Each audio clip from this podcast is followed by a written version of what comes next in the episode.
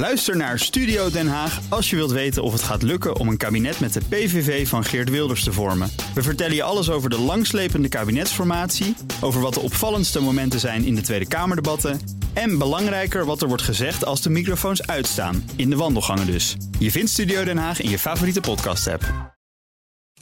De column van Bernard Hammelburg. Voor ons is Brexit vooral de vraag wat voor douaneafspraken er komen, of we een handelsverdrag kunnen sluiten en of we in elkaars landen mogen blijven wonen. Voor Schotland en Noord-Ierland betekent het ongewenst en gedwongen vertrek uit de EU. Vrijwel niemand denkt aan het mini-staatje waarvoor Brexit een regelrechte ramp is: Gibraltar. Schotland zou kunnen kiezen voor onafhankelijkheid, al is dat makkelijker gezegd dan gedaan. Noord-Ierland probeert op de grens met Ierland een gezamenlijk douanegebied op te zetten, of desnoods te kiezen voor hereniging met Ierland. Dat is voor de protestantse unionisten vloeken in de kerk, maar het kan. Gibraltar, nog geen zeven vierkante kilometer aan de zuidpunt van Spanje, zit met de handen in het haar. Sinds de 18e eeuw, toen de rots mede door Nederlandse militaire steun een Brits gebiedsdeel werd, heeft Spanje van alles geprobeerd om de Britten weg te pesten. In 1969 probeerde Franco het met een heuse blokkade die heeft geduurd totdat Spanje in 1986 lid werd van de EU.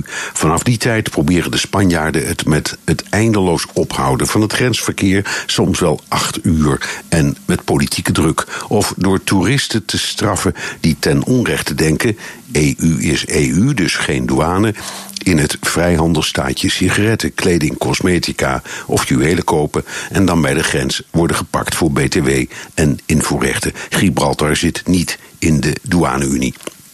Van de ruim 30.000 inwoners stemde 98% in een referendum om Brits staatsburger te blijven en wat later 96% tegen de Brexit. Dagelijks komen 13.000 vreemdelingen, waarvan 8.000 Spanjaarden, de grens over om te werken in de lucratieve verzekerings- en bankensector of voor werelds grootste online casino's. Het ministaatje is de op één na grootste werkgever in het eraan grenzende Andalusië. Alle goederen en diensten komen uit Spanje. Als de Britten en Spanjaarden die elkaar in de kwestie Gibraltar rouwlusten geen oplossing vinden, dreigt de rots te worden afgesloten. Aanvoer moet dan via de lange zeeroute vanuit Groot-Brittannië komen of uit Noord-Afrika. Of via het mini-vliegveldje waarvan de startbaan dwars over de autoweg loopt.